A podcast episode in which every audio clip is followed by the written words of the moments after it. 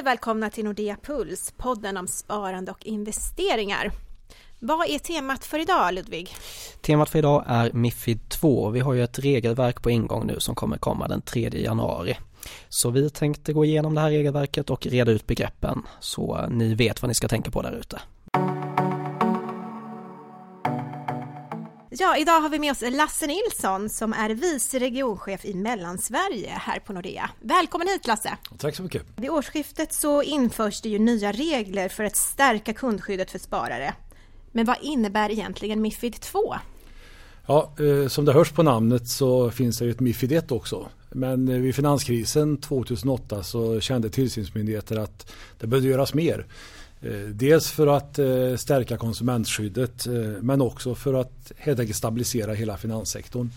Så Mifid handlar både om konsumentskydd och det är det vi ska prata om idag. Men det finns också en andra regelverk här som är till för att öka rapporteringen från finansiella institut och sånt. Men vad är syftet med Mifid 2? Den delen som vi pratar om nu det handlar om att stärka konsumentskyddet. Att man tyckte 2008 eh, när det arbetet startade upp då, att eh, konsumenterna var i underläge. Att eh, finansiella aktörer hade tillgång till mycket mer information och sånt och att man ville balansera upp det att helt enkelt göra det bättre för kunden. Men vilka kunder är det som omfattas av, av lagen? Är det både privatkunder och företagskunder? Ja, det är både företag och privata kunder. Stämmer. Ja, vi var inne lite på varför regelverket har tagits fram då, men det har kommit väldigt mycket regleringar för banker de, den senaste tiden. Eh, behövs alla de här regleringarna? Eh, ja, uppenbarligen är det vad våra tillsynsmyndigheter tycker och eh, de är som sagt till för dels att stärka konsumentskydd och det ligger även företag, då, inte bara privatpersoner. Men också att få den här stabiliteten i systemet, att man får kontroll på allting. Att, att, att man som tillsynsmyndighet kan veta vad som händer inuti banker och andra finansiella institut. Kan du ge något exempel på saker som inte har fungerat så bra tidigare? Ja, Lehman-kraschen. Eh, ett trippel A-ratat företag som går i konkurs. Då är det ju någonting vi inte har koll på i, i, i det företaget. Då. Och det kan vara derivathandel och sånt där som gör att det är svårt att eh, veta vilka risker man faktiskt sitter på. Och jag tror vi kommer att se mer, eller vi kommer att se mer, eh, mer regleringar framöver. Absolut. Men om du skulle kunna berätta lite grann vad de största skillnaderna är mot hur det såg ut tidigare? Ja, eh, det heter ju Mifid 2 därför att i huvudsak handlar det om att vara mer detaljerad. Eh, och någon sa lite skämtsamt, hade vi gjort allt som stod i Mifid 1 så hade det inte kommit någon Mifid 2. För andemeningen är densamma. Men nu reglerar man det mycket tydligare vad som behöver göras. Och eh, ja, några exempel att innan du som kund tar ett finansiellt beslut att du ska investera någonting så ska den som säljer någonting till dig säkerställa att du har förstått vad det är du köper, vad är det för risker, vad är det för förväntad avkastning, ehm, ja, vad kostar det? Eh, och kostar har vi i och för sig berättat i finanssektorn tidigare men nu ska vi uttrycka det i kronor. Och det är alla kostnader, det är inte bara att säga att den kostar 1,5 procent utan alla bakomliggande kostnader ska redovisas klart och tydligt. Före köp och efter köp. Lite mer transparens helt enkelt. Det, transparens är ett nyckelord i lagstiftningen, absolut. Mm. Men finns det någonting mer som Mifid 2 kommer eh, hjälpa våra bankkunder med? Ja, jag tänker på då är det här med att, att, att, få den här mera jämförbarheten och sånt. Vi har något som heter PRIPS som kommer också som där vi har KID-dokument, det vill säga en slags eh, standardiserad beskrivning av alla investeringsprodukter. Eh, och det gäller fonder och det gäller allting inom försäkring som handlar om sparande, det gäller så kallade strukturerade produkter. De ska se likadana ut i alla finansiella institut i Sverige men också i hela Europa. Vilket gör att det ska vara enklare för dig som kund att jämföra med vad är det jag köper och är det här det bästa för mig? Det här med det bästa för kunden är också en viktig del i Mifid som man kan ha precis som transparens då, som ett slags nyckelord. Och hur kommer det påverka den svenska fondmarknaden? Ja, det vet vi inte riktigt hur den kommer att utvecklas. Ehm, eh, sannolikt i och med att det blir så transparent med priser. Om man talar priser i kronor så kommer det vara så här att eh, som kund så vill du se vad får jag för värde för det här. Jag betalar så här många kronor. Är det värt det? Och det är ju med, med de här typerna av instrument som med allt annat att det är inte säkert att det billigaste är det bästa. Men eh, betalar jag mer så vill jag veta vad får jag mer. Eh, och det här tror jag kommer att påverka på det sättet att eh, är det riktigt bra, ja men då går det nog att ta bra betalt för det. Om jag, om jag känner att det ger mig någonting som kund. Men eh, jag tror att produkter som inte skapar ett värde för kunden och är ganska högt prissatta kommer att sjunka i pris. Det kommer också komma in nya aktörer som eh, naturligtvis vill in på den här marknaden med ja, produkter som är lägre prissatta. Så priskonkurrens, och det är ett av syftena också med Mifid, att öka konkurrensen. Mm, för en del av detta är väl att man måste redovisa distributionsersättningen. Jajamensan, nu är vi inne på det där egendomliga uttrycket då, men med oberoende och icke oberoende rådgivare. Och vi kan börja med den som är oberoende. Då. En oberoende rådgivare får inte ta emot provisioner eller så ifrån från fondbolag till exempel. Utan eh, då får man ta betalt av kunden direkt. Och är man icke oberoende, och det kommer bankerna i Sverige att vara, ja då får man ta betalt i provisioner. Men man ska redovisa det till kunden, vad man har fått betalt för att kunden ska veta att det är så här. Som man tar betalt. Jag tror inte att eh, oberoende blir billigare än icke oberoende, men man tar betalt på olika sätt. Icke oberoende tar ut, precis som idag, löpande dag för dag i fonderna och de här som ska vara oberoende tar ut det i form av någon form av rådgivningskostnad eller ett påslag i procent eller någonting sånt. Så hur kommer det se ut för ett vanligt fondtorg? Vad är det man måste erbjuda extra tänker jag? Ja, men eh, till exempel om du är oberoende rådgivare då behöver du ju ha ett stort sortiment där du också eh, hjälper kunderna att hitta det bästa där. Eh, sen kan man också ha ett fondtorg där kunden själv får shoppa runt utan någon form av vägledning eller rådgivning. Och båda de här varianterna kommer att finnas, eller finns redan idag på marknaden. Du nämnde ju tidigare det här PRIP-produkter, men vad är det egentligen och hur påverkas de av det här nya regelverket? Ja, det har ju tidigare funnits faktablad som man säger, KID-dokument för fonder, men nu ska de se likadana ut för alla typer av investeringsprodukter. Så om de ligger i ett försäkringsskal eller om det är börshandlat, det spelar ingen roll.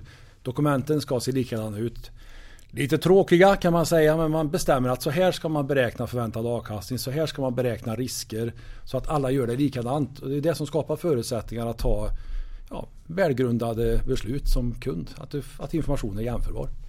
Så om man sitter där ute nu och har ett fond eller aktiesparande idag, är det något som man aktivt måste göra? Nej, det är det inte. Jag är inte som kund i alla fall. Däremot så är jag rätt säker på att banker och andra finansiella aktörer har rätt mycket att göra nu för att ställa om system och sånt för att få handeln att vara mer transparent, att kunna redovisa i kronor alla kostnader och sånt. Så att det pågår ett febrilt arbete för att få allt det här på plats. Så mycket jobb för bankerna men bara fördelar för kunden? Ja, jag kan inte se några nackdelar för kunden att det blir mer transparent. Nackdelen skulle i så fall vara att det blir ett uppvaknande för en del. Att oj, är det så här mycket jag har betalat för det här? Eh, och det tror jag kan skapa en bra spännande dialog när man träffar sin rådgivare. Och vilka typer av värdepapper påverkas av det här? Nu är det alla värdepapper då? Ja, alla värdepapper som är så kallade investeringsprodukter. Så det som inte ingår där det är bankkonton till exempel. ingår inte utan fonder är de vanligaste. Så de flesta har aktier naturligtvis. Då. Börshandlade andra produkter, varanter och strukturer. Man pratar om någonting som heter bästa orderutförande. Mm. Men kan du förklara kort vad det innebär? Eh, som kund är det här egentligen vad som är redan idag. Eh, vad det handlar om är att den som utför order måste på ett bättre sätt redovisa hur man gör sina ordrar. Dels till kunden men också till tillsynsmyndigheter. Man ska visa att man verkligen har gjort bästa möjliga sätt med ordern. Att man när kunden lägger ordern så ska den genomföras omedelbart och inte blandas ihop med andra ordrar och sånt där. Så det är mer ett regelverk för, för banker och finansiella institut. Eh, bara fördelar för kunden och princip så det funkar idag också. Och eh, var hittar man då mer information om man skulle vilja läsa på lite mer? Det finns eh, rätt mycket information ute på alla hemsidor hos alla som håller på med investeringsprodukter idag. Så man kan söka på Mifid eller nya regelverk eller någonting sånt. Eller bara googla helt enkelt. Finansinspektionen är en väldigt bra källa som har bra och tydlig information också tycker jag. Ja, men eh, rådgivning är det en hel del som går på. Kommer den ta längre tid i och med att det är så mycket mer man ska gå igenom ja, antar jag? Det skulle jag nog vilja säga att eh, när man träffar en rådgivare och sånt så är det mer saker som rådgivaren måste ta reda på som tillkommer med Mifid. Dels så ska behovsanalysen vara lite djupare och sen har vi fått till en ny eh, sak som vi ska ta reda på med kunden. Det är om kunden kan bära förlusten. Eh, när vi pratar risker historiskt så har vi pratat om hur en fond eller möjligtvis en portfölj svänger upp och ner i värde. Men nu ska vi också se vad händer om kunden tvingas sälja i sämsta tänkbara läge. Vilka konsekvenser får det för kundens ekonomi och det ska påverka vilken risk vi rekommenderar kunden. Så det, är, det, kommer att ta lite mer tid. Så är det. Men det kommer också innebära en bättre kvalitet. Det är ju, det är ju frågor som handlar om kunden och kundens liv och eh, vilka tankar och behov som kunden har. Ja, men när vi ändå är inne på det här med rådgivning, eh, vad innebär en passande bedömning? Mm. Eh, man pratar ju både om lämplighetsbedömning och om passande bedömning. Och passande bedömning det är en lite mindre omfattande bedömning. Då handlar det om om den här produkten är passande för dig som kund. Eh, utifrån vad du har för kunskap och erfarenheter och hur den passar in med din inställning till risk och förväntad avkastning. Och tar vi lämplighetsbedömningen då lägger vi till fler saker. Då ska vi också förstå din livssituation, dina planer för framtiden och sånt. Så det blir mer komplicerat. Det är fler saker vi ska ta hänsyn till i en lämplighetsbedömning än en passande bedömning. Så om man inte träffar någon rådgivare idag då, eh, måste man göra något aktivt? Nej, eh, många träffar inte rådgivare utan många handlar ju själva på, på nätet och sånt. Och, eh, redan idag så kommer du få en del frågor när du går in och köper någonting du inte tidigare handlat med som är till för att säkerställa att eh, du som kund förstår vad det är du köper. Eh, och då är det ju du som kund som själv bedömer att du kan detta och du svarar på några frågor och sånt. Eh, om du inte vill så kan du faktiskt hoppa över det här. Men då har du heller inte det skyddet som konsument.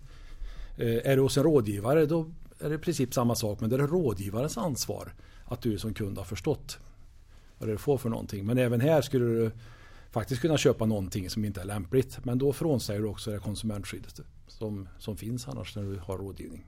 Vi kan ju se att fler och fler använder sig av mera digitala kanaler och eh, kanske fattar sina egna investeringsbeslut och sådär. Behövs verkligen en rådgivare i, idag fortfarande? Eh, jag tror att om man, eh, vi är inne och snuddar lite på robotrådgivning och sånt. Idag är det mest att man handlar själv. Det kommer ja, väldigt snart, eller det finns redan idag ett antal robotar som hjälper dig att ta investeringsbeslut. De kommer naturligtvis att bli ännu bättre framöver. Eh, kan man fundera på eh, vad tillför en rådgivare. Då tror jag att det är mer att prata om hur investeringen passar in i din totala livssituation och sånt. Att eh, rådgivning handlar om eh, familjejuridik och den här typen av frågor också.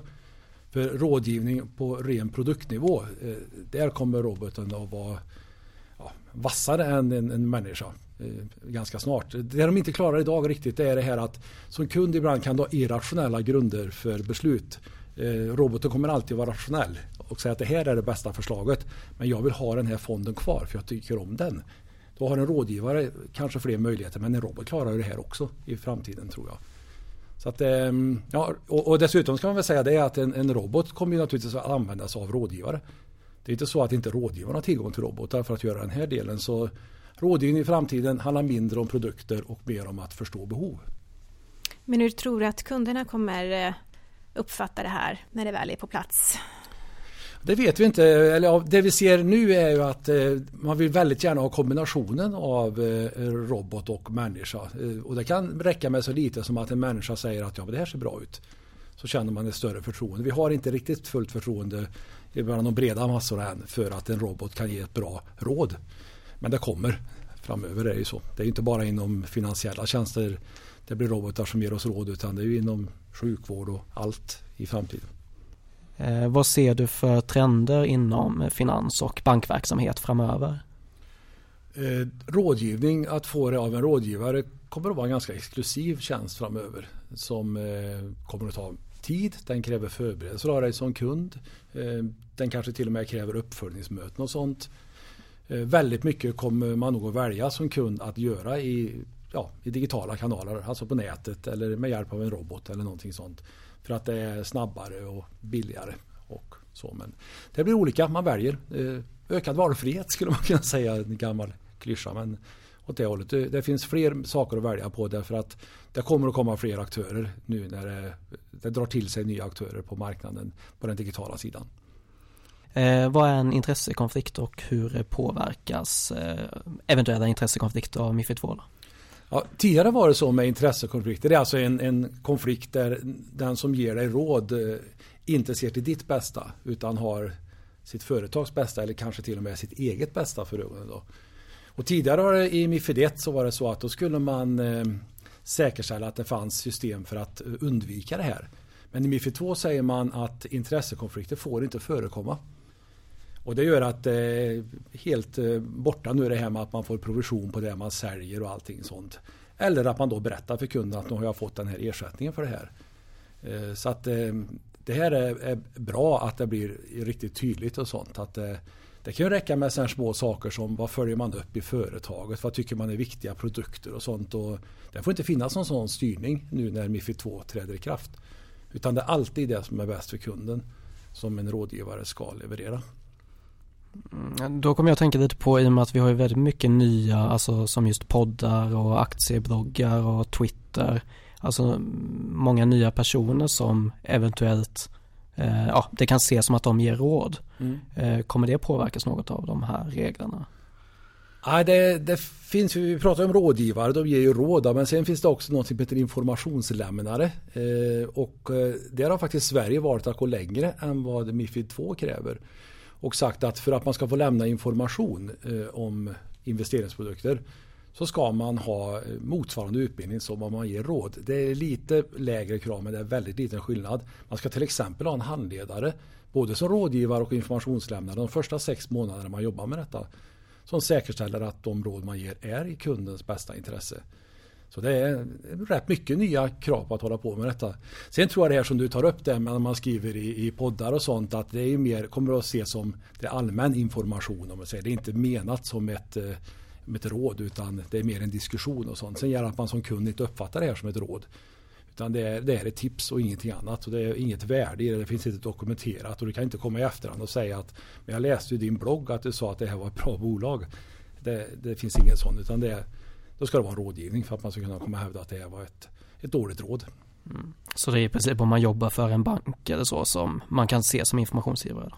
Ja, eller rådgivare också. Eller ja. något annat finansiellt institut. Mm. Det är tillståndspliktig verksamhet att hålla på med rådgivning så det vet man om det finns. Och här kan vi komma in på en sak tycker jag. Det handlar om dokumentationen. Att eh, när du har fått ett råd så ska ju du också få en dokumentation på det här rådet som visar varför har jag fått det här rådet? Vad ligger bakom det?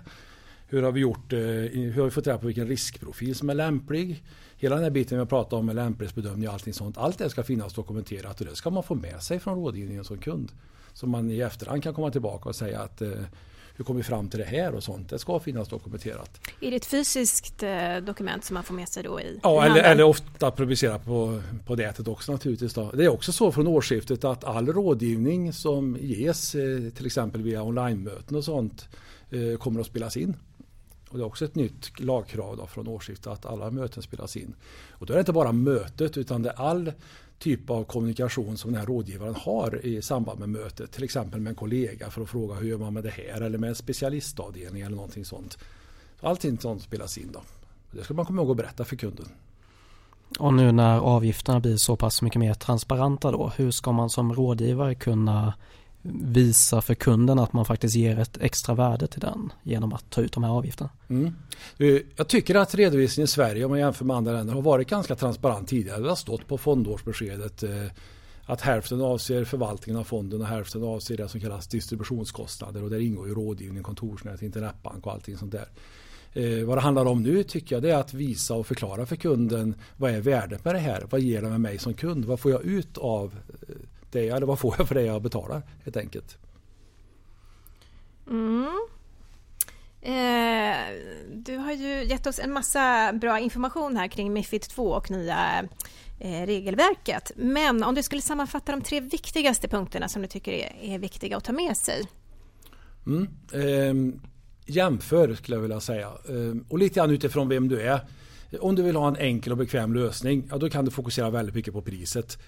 För, för, är det den typen av lösningar då är priset väldigt viktigt. Det, det går inte att göra så mycket mer än en bra produkt men inget mer. Eh, men är du lite mer intresserad och har lite olika investeringar och sånt så jämför, och, jämför mellan konkurrenter och vad får jag och sånt där. Vem är bäst egentligen? Och det kommer att vara lättare med de här nya KID-dokumenten som finns.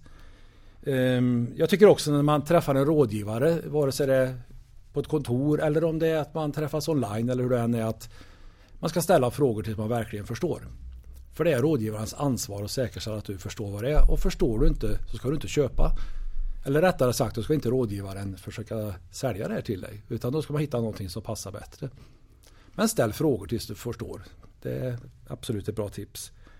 Och sen eh, tycker jag att eh, kolla den här dokumentationen du får med dig. Att allting finns där. Att du kan se klart och tydligt i kronor och öre vad du betalar. Att du kan se vad har jag för förväntad avkastning? Vad har jag för risk? Vad händer med mina pengar om det skulle gå riktigt illa? Hur mycket förlorar jag då och vilka konsekvenser skulle det få? Allt det här skulle du kunna se i dokumentationen som du ska få i samband med rådgivning. Då. Då får vi tacka så jättemycket för att du kom hit och gav oss lite klarhet i vad det här med Mifid 2 egentligen handlar om. Ja, tack så mycket, mycket trevligt. Ja, men då får vi hoppas att vi har lyckats reda ut begreppen kring Mifid 2. Om man vill kontakta oss, vad gör man det någonstans? Då kan man alltid kontakta oss på vår e-mailadress som är nordeapuls.nordea.se eller så kan man gå in på investor.nordea.se och gå in på ett frågeformulär som finns där. Så man får jättegärna lämna feedback och förslag på vad vi ska prata om här framöver. Men annars så säger vi ju tack så mycket för denna veckan och vad säger vi mer? Ja, vi hörs om en vecka igen. Det gör vi.